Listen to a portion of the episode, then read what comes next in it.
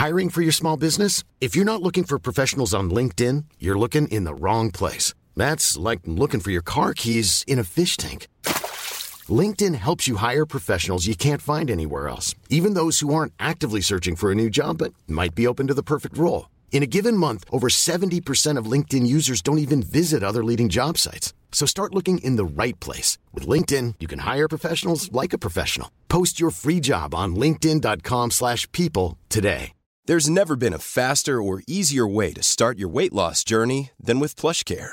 PlushCare accepts most insurance plans and gives you online access to board-certified physicians who can prescribe FDA-approved weight loss medications like Wigovi and Zepbound for those who qualify. Take charge of your health and speak with a board-certified physician about a weight loss plan that's right for you. Get started today at plushcare.com slash weight loss. That's plushcare.com slash weight loss. plushcare.com slash weight loss.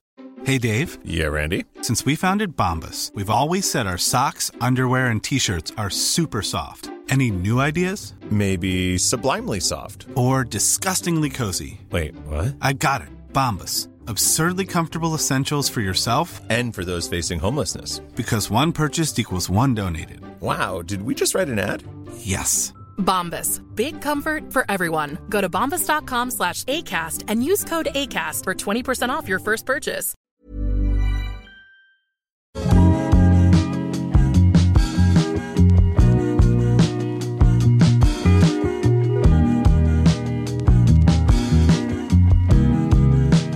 Think I might be over my troubles. Vi är Gentlemanualen och vi är tillbaks och jag, Per Nilsson, kan inte sluta tänka på historien när du, Andreas Weinås, gick i badbyxor över gatan i Antibes och blev faktiskt på riktigt, bokstavligt talat, stoppad av farbror Länsman. Precis, när jag bröt mina egna stilregler totalt och skämdes.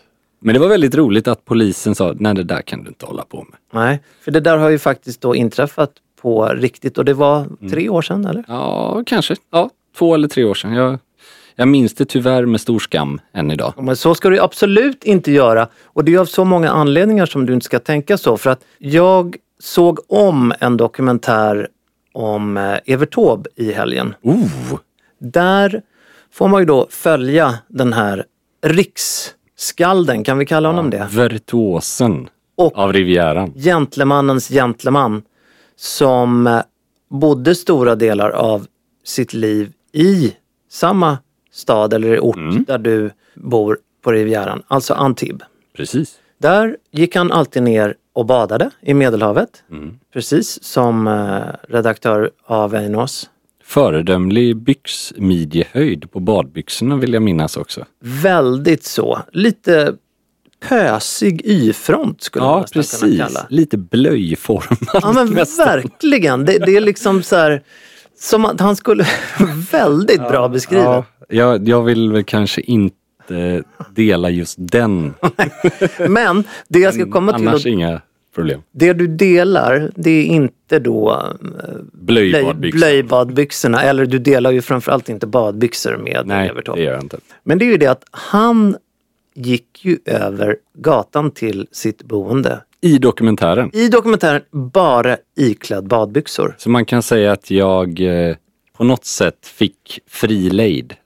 Nej men du, Jag åberopade Taube. du går ju i Evert Taubes eh, fotspår. Mycket. Det ska jag säga till polisen nästa gång. Det, Jag går i Taubes fotspår. ja, säg den på franska. Ja, det, det ska vi inte göra här kan jag säga. Men eh, det du inte gör det är att du viker inte din skjorta och placerar den på huvudet. Det här är alltså... Nej, just det. Jag har ju varit besatt av Evert Taube i, ja, det är några år nu av många anledningar. Men alltså när jag nu såg de här, den här sekvensen när han går, jag eh, visade ju dig den här blöjbyxsekvensen. jag tycker att den är så cool. Jag vet ju vad det här avsnittet kommer att heta. Je suis Taube. Je suis le monsieur de blöjbyx. Le pantalon de blöj. Nej, men den här scenen ska upp på Gentlemanualens Ja. Instagram. Ni kommer att kunna kika in där. För att eh, summan av den här kardemumman är att Andreas Han bröt inte alls mot någon stilregel när han gick i badbyxor på gatan i Antibes. Han gick bara i Evertops fotspår. Snyggt! Det är kul. Men Andreas, John Lennon, är det en stilförebild? Det kan man väl säga. Framförallt är det ju, tycker jag, en av de främsta musiker som någonsin har levt.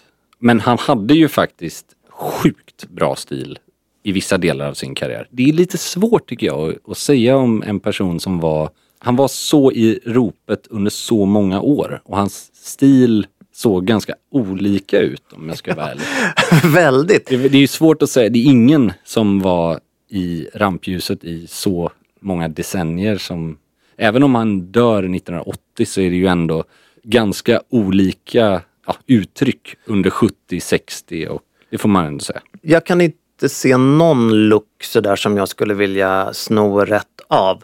När jag tänker på honom så tänker jag det är väldigt liksom Bohem 70-tal. väldigt bohem och sen så är det ju den klassiska nakenbilden med hans Mm. eh, Yoko Ono. Just det.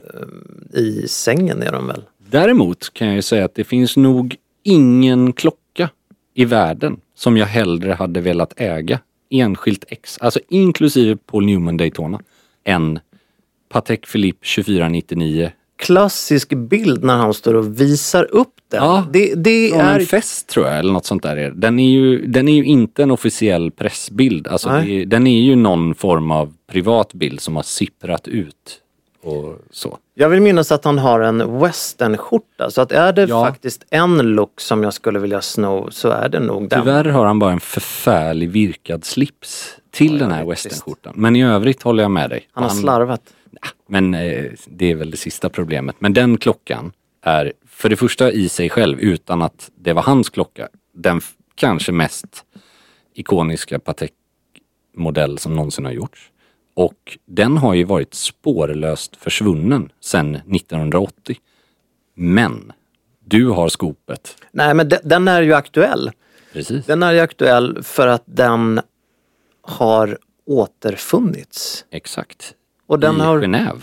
ja, den har ju varit runt världen. Det har, den har inte fått uppleva det som den där klockan i Pulp Fiction Nej, upplevde. det får vi verkligen hoppas. Men berätta Andreas, du kan detaljerna. Ja, det enligt sägnen då, eller enligt historiken så är det ju så att John Lennon fick den här i 40-årspresent av Yoko Ono.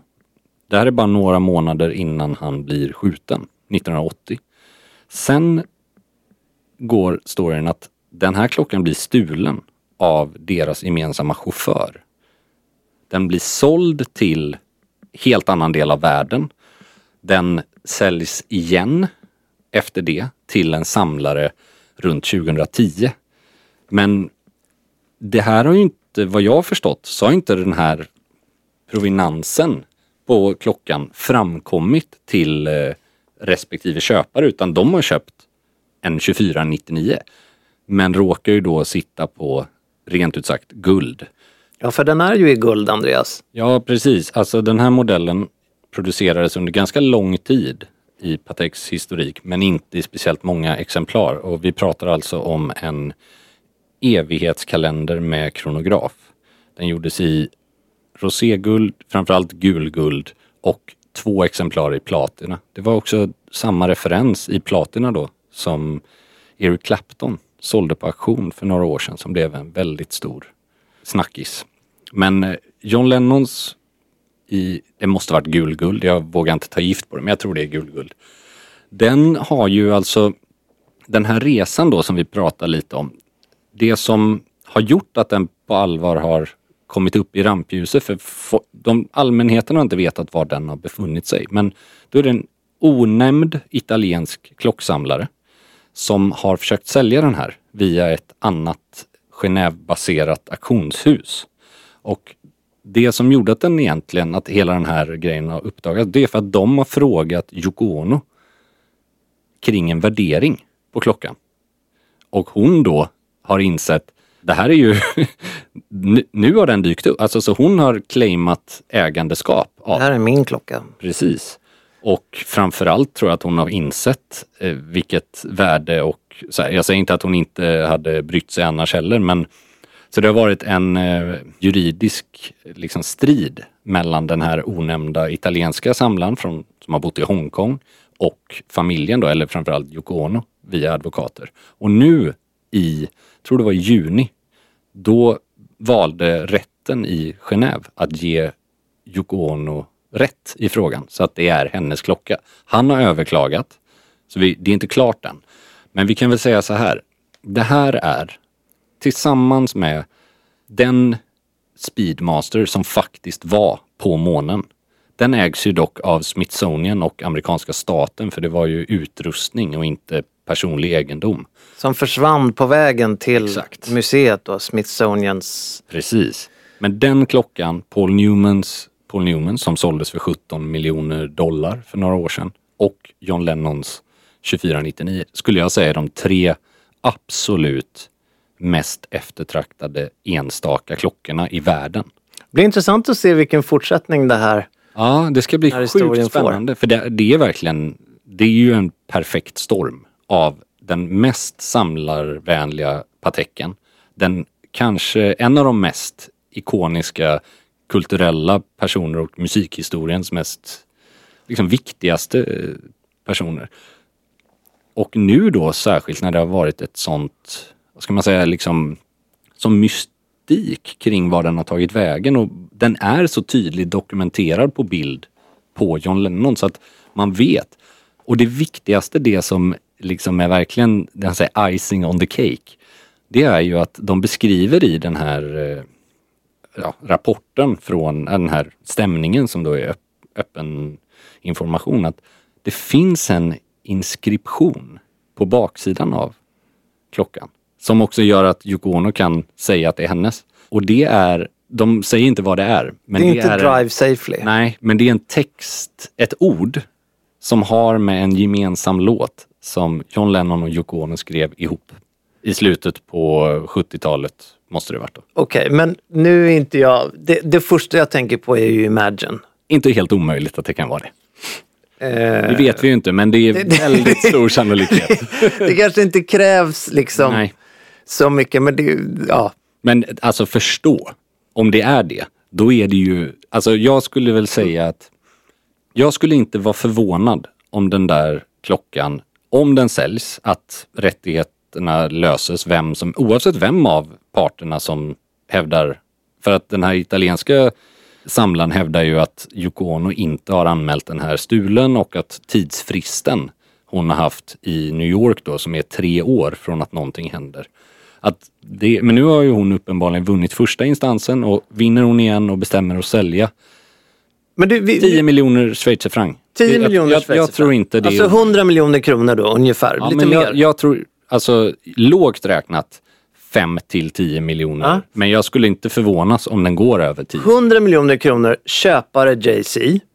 Ja, kanske. Ja, men jag tror att det finns ganska många Beatles och klockfanatiker som hade tagit ganska stor del av sin klockbudget till att kröna. För det där är ju verkligen toppen av toppen i. Men ändå musikkopplingen. Jay-Z, han, tänker, han, han tycker att han kan fortsätta bygga på sitt... Jag tror att Jay-Z hade definitivt varit intresserad, men jag tror inte att han är den enda.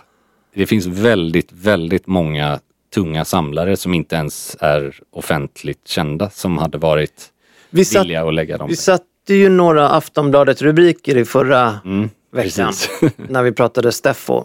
Mm. Vad tror du om John Lennons lyxklocka såld för 100 miljoner till eh, Jay-Z? Ja, det är en väldigt lång rubrik. Ja, ja, precis. Men eh, could, could you imagine 100 alltså, M? bra. Den hade ju Ja, eh, det- varit rolig om... Jäklar. Får man jobba kvar eller? Imagine Ja. if John Lennons... Ja. Eller bara imagine. Nu tog jag din. Nej men det är ju bra. Det blir spännande att följa det här och vi kommer definitivt följa upp när vi hör Mm. uppdateringar. Och jag kan säga att det auktionshuset som i sådana fall får uppdraget kommer inte tacka nej. De kommer vara så lyckliga. Det är det bästa PRen du kan få, liksom, att sälja den klockan i nuläget. Och just som jag var inne på med Speedmastern, där har man ju problemet att den klockan, även om den skulle dyka upp igen, då kommer den aldrig få säljas till en privat ägare. För att den är, in, den är helt enkelt statlig egendom. Vet du vad jag, vad jag, vad som dyker upp på min näthinna nu? Nej. Som är min största önskan. Nej, Mm, jag känner verkligen, jag vill också prata i det röstläge som du gör nu. Det är kär. inför nästa sommar. Mm. Du i Antibes med såna här blöjbadbyxor. John, John. John Lennons klocka och Evert Taubes skjorta vikt på huvudet. Jag hade ju, då hade jag, Håll i hatten. då finns ingen polis i världen som stoppar mig, kan jag säga. Nej, nej, nej, nej, nej. Alltså det, ja. Ja, det- jag tror vi har det- någonting Det har faktiskt. något, definitivt.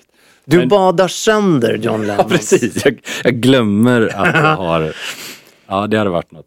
Men vi har ju mer klocknyheter i Ja. Vi pratade ju lite förra veckan om eh, att det här, den senaste samarbetet mellan Swatch och Blancpain nu skulle lanseras. Och det gjorde ju det Det gjorde några det. dagar sedan. Och det blev ju...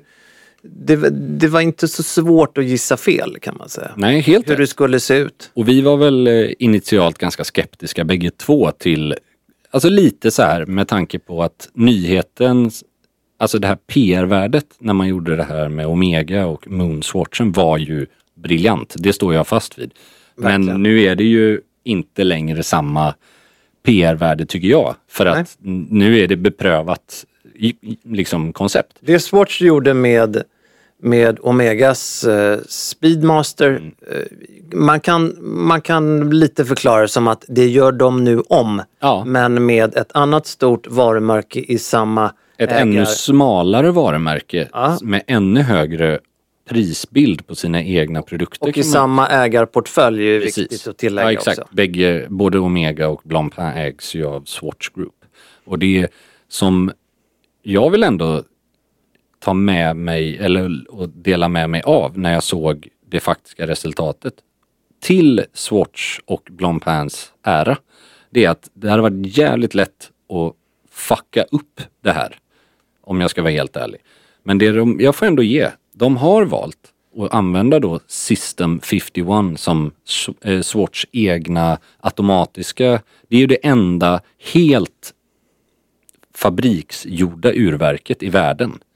Det består av 51 delar och det lanserades tror jag 2011 eller 2013. Swatch har alltså normalt sett kvartsverk men Precis. i Men de- en serie som heter System 5 51 så har de då ett automatverk. Och det var ju helt revolutionerande när de lanserade det här. Inte egentligen för att det är inte så att det är brist på automatiska klockor i instegssegmentet, men just att det här är helt automatiserat. Och eh, det har ju varit en ganska stor diskussion rörande det här samarbetet där den gamle Bivet, eller Biver, Jean-Claude, som var chef för Blancpain i väldigt många år. Han talade ut i den här Talking Watches Houdinki-serien, videoserien, där han sa att Blancpain har aldrig och kommer aldrig göra en kvartsklocka. Vilket lite så här, även om han inte är chef för Blancpain längre, så kände man ju lite så här, att se om de kan leva upp till de här stora orden som uppenbarligen inte bara hans utan företagets eget etos. Liksom. Och det har de ju faktiskt gjort nu. De har till och med valt att bevara för 50 fathoms som Blancpain-modellen. Det, det är en ombestridd diskussion kring om det var den första liksom, riktiga dykarklockan eller om det var Rolex Submariner. Jag hävdar ju att Rolex faktiskt var före men det är egentligen oväsentligt. De bägge lanseras 1953, 1955 typ. Men 50 Fathoms, alltså namnet kommer ju från, eh, det är en djup benämning, alltså hur djupt klockan klarar vatten, eh, alltså trycket. Och 50 Fathoms är 91 meter om jag inte minns exakt fel. Och det har de faktiskt lyckats att göra även Swatch-klockan. Så den är 91 meters vattentäthet. Det är inte 300 och liksom, det är inte en officiell ISO-certifierad dykarklocka men det är ändå det hade varit lite tråkigt om den här klockan hade haft ett kvartsverk och 30 meters vattentäthet när det ska vara en klassisk dykarklocka som den som är samarbetet. Liksom. Lite rimligare att du bär den här klockan i Antibes Lite. när du har den här eh, blöjbadbyxan på dig än om du skulle bära John Lennons Patek. Ja, det kan man säga. Och de gjorde väl fem olika versioner. Ja. Och alla är kopplade till något av de stora haven i världen. Jag tycker ju personligen att de två modellerna som var intressanta är den som heter Antarctic och Arctic. Bägge som inte har datum. Ja, vilka färger har de här då? Som? Antarctic har vitgrå. Eh, också som sagt fri från datum och de har, den har de satt en sån här eh, fuktmätare på tavlan som är en klassisk Blancpain 50 Fathoms. Den har ju kommit i hur många versioner som helst sedan 50-talet. Och det här är en av de mest legendariska tavellayouterna. Och den är då inspirerad av eh, Antarktis. Och sen har du den som heter Arctic som är typ beige med orange ring. Som också saknar datum. Det är de två jag tycker. Får se hur stort suget blir efter de här. Jag tror inte så stort Nej. som eh, Moonswatch har varit. Men de Framförallt också, inte i Sverige. Nej, precis. Och de kostar också så här. Jag tror officiella listpriset är 4400 kronor.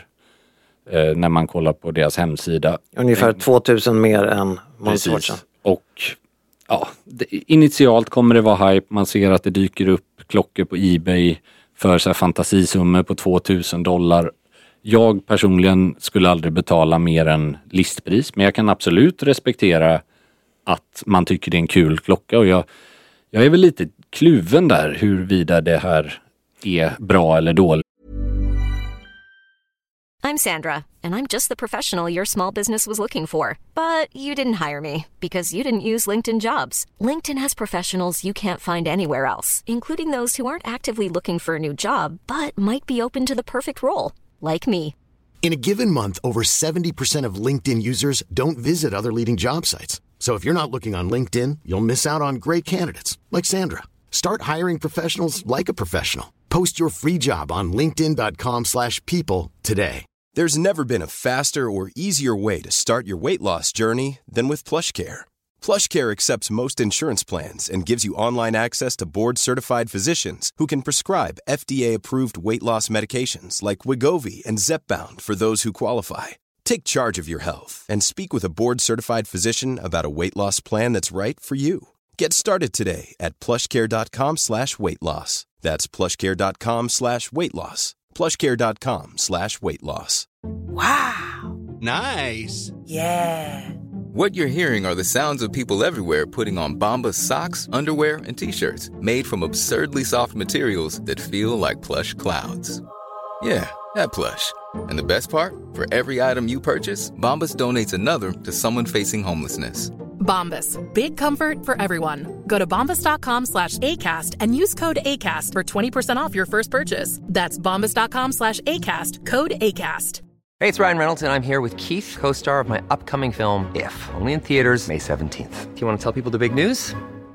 All right, I'll do it. Sign up now and you'll get unlimited for $15 a month and six months of Paramount Plus Essential Plan on us. Mintmobile.com slash switch. Upfront payment of $45 equivalent to $15 per month. Unlimited over 40 gigabytes per month. Face lower speeds. Videos at 480p. Active Mint customers by 531.24 get six months of Paramount Plus Essential Plan. Auto renews after six months. Offer ends May 31st, 2024. Separate Paramount Plus registration required. Terms and conditions apply if rated PG.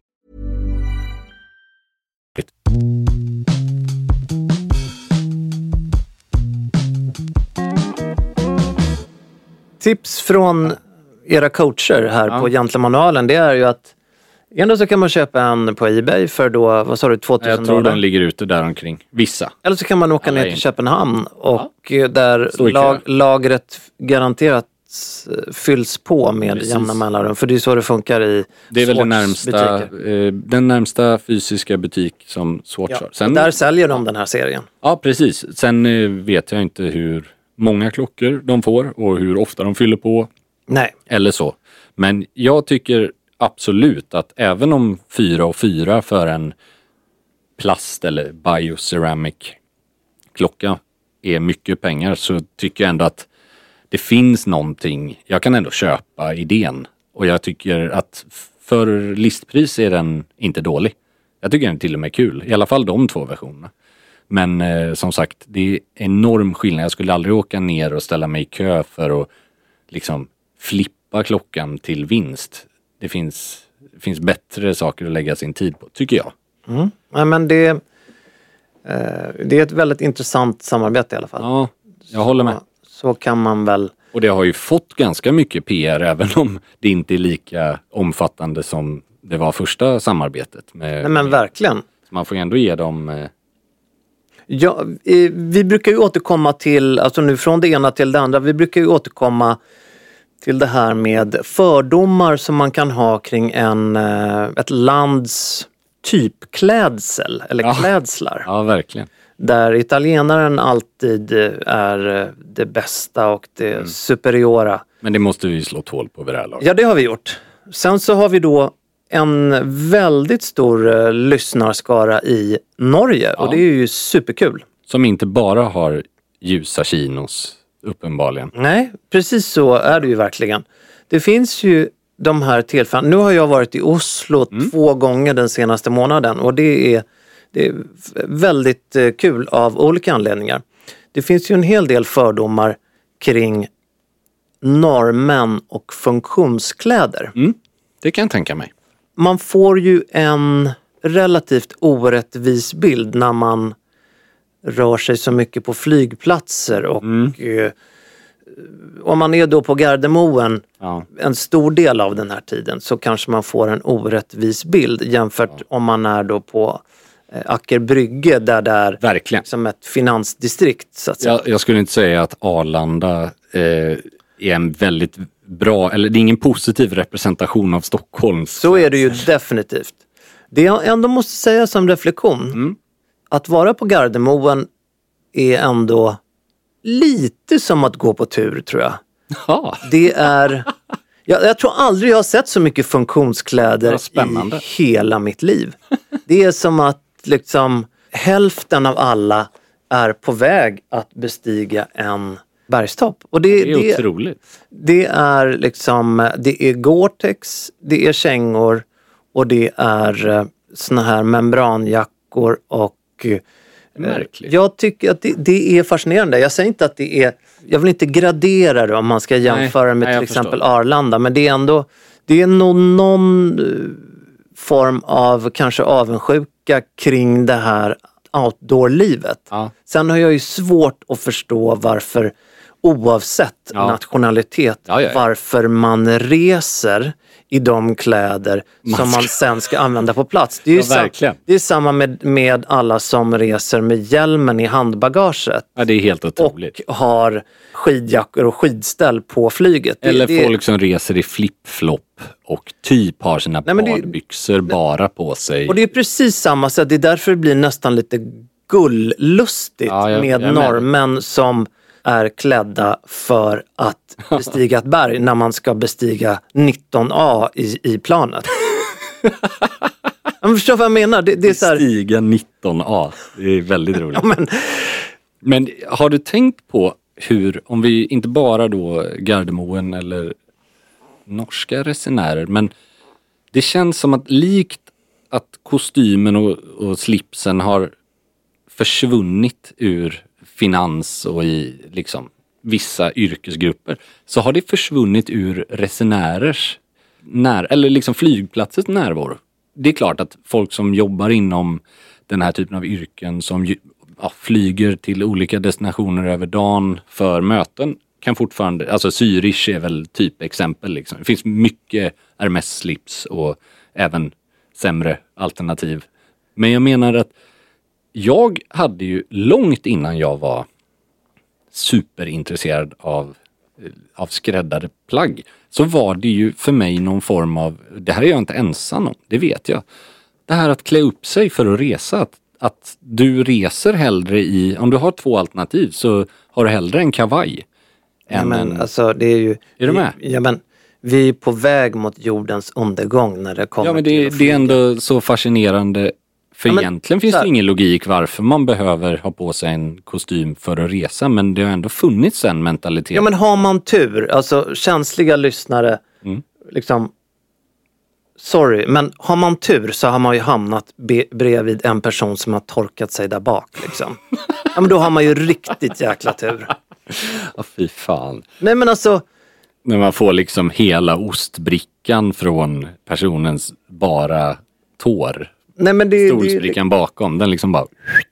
det, det är ju, eh, folk har ju tappat det. Vissa vill ju tro att det här handlar om att man har glömt bort på grund av pandemin. Jag är bara helt övertygad om att det där är det där stämmer inte. Det handlar bara om att folk respekterar inte andra människor. Nej. Man klär sig som man gör när man sitter på dass och skiter. Uppenbarligen. Nej men och, alltså, Nej, jag är med dig helt. Och det här har ju tagit sig helt sinnessjuka proportioner med, alltså jag ser inte skillnad på när jag kliver in på Friskis och Svettis och kliver in på planet nu för nej, nej, men, nej men det är ju, Det är det är ju mer är- träningskläder Ja. på, på, på en flygning eller, än Ja, vad det är på gymmet. Så ja, är det. absolut. Och, och så här, jag menar inte att man måste ha slips och kostym för att flyga, men det är ju mentaliteten i att man inte ens har på sig vad man skulle ha till kontoret idag. Känns det. alltså på många. Och det är inte så att du ska flyga till Katmandu och ska vara bekväm. Du, du ska flyga till Köpenhamn liksom. Alltså vad fan, hur jobbigt kan det vara? Nej, men det, det, då är det ju hundra gånger bättre Mm. med människor som klär sig i funktionskläder. Ja, det är det ju. Än Men att det måste vara jävligt ljusigt där i sätet och sitta i någonting på 19A. Ja, i någon form av så här superinstängande vindjacka. Eller så är de sådana proffs, vilket de ju säkert är då, att de här kläderna andas. Ja, det är sant. Det är sant. Det är tok Gore-Tex så att de Ja, sitter ja. bara och ler hela vägen till, Ja. till Trondheim. Liksom. Ja, men det är, det är möjligt. Och jag menar, kul, det är väl bra att Kan, de finns det ens flygplats? Ingen aning. Nej, det där var fördomsfullt av mig. Det var Det Bergen. Jo, men det, det finns det säkert. Men det är, ja, jag, Vi jag, vill... jag kommer fortsätta resa i kavaj eller kostym för att det är också oerhört skönt att kunna ha i alla fall sex fickor i, en, i ett ytterplagg som man kan använda till pass, liksom plånbok, vad det nu är man Det, har med sig. det gillar vi. Och det vi gillar det är ju när ni lyssnare kommer med feedback på, Vi älskar på det. vårt eh, samtal. Och inte minst ni norska lyssnare är ju supervälkomna att höra av er och kommentera den här, jag ska inte kalla det för spaning, men eh, den det här lilla höra feedbacken kring hur eh, norrmän ytterst generaliserat klär sig på eh, gator och torg och flygplatser. Det jag, jag vill också tillägga det här att om man väljer Bo i Norge. Ja, eller om man väljer att resa under sommartid och inte ha strumpor i sina skor, för det har jag varit skyldig till. Då tar man inte under några som helst omständigheter av sig skorna på ett plan. Man kan åtminstone ha det goda seden att ha strumpor på sig då. Jag tycker det här är, det är fan gränsfall till liksom kränkning mot sin omgivning att sitta där med liksom tåbira som tar upp fyra säten. Ja, men det, Det är sjukt. det är sjukt. Det är inte kul. Nej, precis som att det inte är kul att kliva in på en middag och tänkt, ah, men jag är lite läcker i liksom strumplöst i mina skor som jag ska ta av mig i hallen så har man sådana här svettavtryck längs parketten. Det är ju inte heller så här superkul. Har du suttit på en flygning där personalen går igenom med en sån här spray flera gånger? Nej, det Har du inte det? Nej, det har jag aldrig gjort. Det har jag gjort. Fy fan. gånger. Det är nu det lustiga kommer fram att det är på grund av mig. För att när jag flyger så gör alltid personalen, nej, Nej. så är det inte. Men jag har definitivt varit med om det. Okej. När, det är någon, aldrig- när det är någon som eh, Fan vad sjukt. har blivit släppt lös som inte borde vara det. Aj, aj, aj, aj, aj. Men eh, det är resande och eh, Mm. du har varit på restauration. På, Ja, om man ens kan på- kalla det här det. Jag, jag har alltså varit med om en av de sämsta mat och serviceupplevelserna på i alla fall tio år. Det, jag kände att det, det här det var så surrealistiskt så jag tycker att det är värt att nämna. Jag bor ju på Söder och inte långt från Söder ligger Hammarby sjöstad. Och jag brukar tillsammans Intressant, med ja. min fru och min hund promenera där. Och då ligger det ju ett ställe som eh, på många sätt är väldigt mysigt som heter Carnegiebryggeriet. Det ligger Där har jag faktiskt varit. vid eh, Luma ungefär. Alltså Just den. det. Och jättemysig så här uteserveringsdel. Inget fel med det. Så vi stannade där, tog varsin öl. Och så skulle vi beställa chicken wings med klassisk glaze. Här, var så det stod på menyn. eller? och blåmögeldressing. Så här, ja ja, vi får väl se vad det här är. Skulle bara dela ändå. Men så får vi in det och man kan väl börja med att säga att det var det absolut sämsta jag ätit på tio år. Men jag är inte en person som känner mig kränkt över att maten inte är upp till... Så jag- Ursäkta det var- fröken, ja. det här var inte fransen jag fick på tallriken. Exakt, exakt. Det är det jag menar. Att man, jag skulle inte gnälla över det och jag skulle inte kräva några pengar tillbaka. Det skulle aldrig hända. Men då sitter det ju ett par, ett äldre par, vid bordet lite nedanför oss. Som har beställt samma, de har beställt varsin sån här chicken wings. Och så kommer en eh, servitris fram och frågar, smakade det bra? Varpå de sa, nej det gör det inte. och uppenbarligen då så Ni var inte del, ensamma. De delade vår uppfattning. Varpå hon sa, ja, ja, okej vad var det som var fel? Ja, det var alldeles för starkt, det var alldeles för salt, det var inte bra. Det är liksom katastrof verkligen. Då hon går in till köket, förmedlar det här. Vad gör köket? De skickar ut den yngsta anställda de har. Och jag känner att det blir skämskudde här nu. Ja, det ska det vara också för dem. Jo. Den absolut yngsta personen de har i hela servisen för att säga tyvärr, köket säger att det där är en personlig preferens och de vill inte kännas vid det där. Och varpå, jag har inte sagt ett ord, jag har bara hört det här, för det är typ två meter till bordet. Varpå jag, du vet, jag bara, För- för- nej nu kan jag inte hålla käften längre. Förlåt, jag måste, nu- och nu kan inte jag hålla käften. Det jag måste säga nu, det är att det här låter som en scen ur Fawlty Towers. Ja men exakt. det låter exakt som så. Manuel springer fram och tillbaka. Och, Exakt. Och jag har inte sagt ett ord, de har inte frågat oss hur det smakar utan de har bara frågat det här paret. Och de har bara varit konstruktiva ska jag vara ärlig. De har inte liksom så här skällt. De har bara sagt på frågan hur smakade så sa de nej det här var inget bra. Då när han yttrar de här orden från köket kan jag inte hålla käften. Så jag bara, nu måste du skämta eller snarare ni skämta. Det här är katastrof. Om du tror att det är bara deras personliga åsikt så kan jag ju verkligen validera den för det här är, det här är inte okej. Så liksom kom inte här och skyll på era gäster för att Ja. kocken inte kan salta. Nej. Jag har tappat de här i ett saltkar liksom. Ja. Eh, ja, okej. ja, där- det var inte han. Han tycker ju synd om den här ja, stackars Det var det jag ville... löparen. Och det var jag tydlig med mot honom också. Det är ju inte han som har gjort fel. Men om den här kocken är så jävla kaxig inne i köket. Ja, ja, ja. Då kan han komma ut och brösta den Ja. Anklagelsen eller kritiken. Eller Ja. som du beskrev någon gång när du hade varit på restaurang och en väldigt, väldigt känd svensk krögare kom ut och sa den här torsken är ta mig fan tillagad till perfektion. Exakt. Det är väldigt roligt. Ja. Men i- alla fall, det, det är liksom... Vi bad ju inte om några pengar tillbaks Nej. eller någon kompensation. Vi hade ätit två stycken var. Vi fick liksom med servett torka av de här vidriga och det gick fortfarande inte att äta. Men det var inte, det är inte mer med det. Vi gav bara feedbacken att Ja, ja, ja. typ i baren, så här, nästa gång kanske det är bättre att ta till er. Ni får ju såklart göra vad ni vill, men när ni skriver klassisk glaze och det är någon jävla srirachasås med ett saltkar i. Det är liksom Kom kocken ut sen Nej, med en uh, nyslipad kniv och skulle Nej, det roliga är att den här stackars unga anställda får ju då en andra gång komma ut och säga, ah, ni får tyvärr ta det med baren för köket känner inte sig vid det här. Och det är så här, de andra gästerna som då, ja, det andra paret, de, när de då skulle, ja, så här, nej men vill ni ha någonting annat istället? Då ville restaurangen att, eh, när de föreslog någonting annat då på menyn, för det här var väl en förrätt. Ja.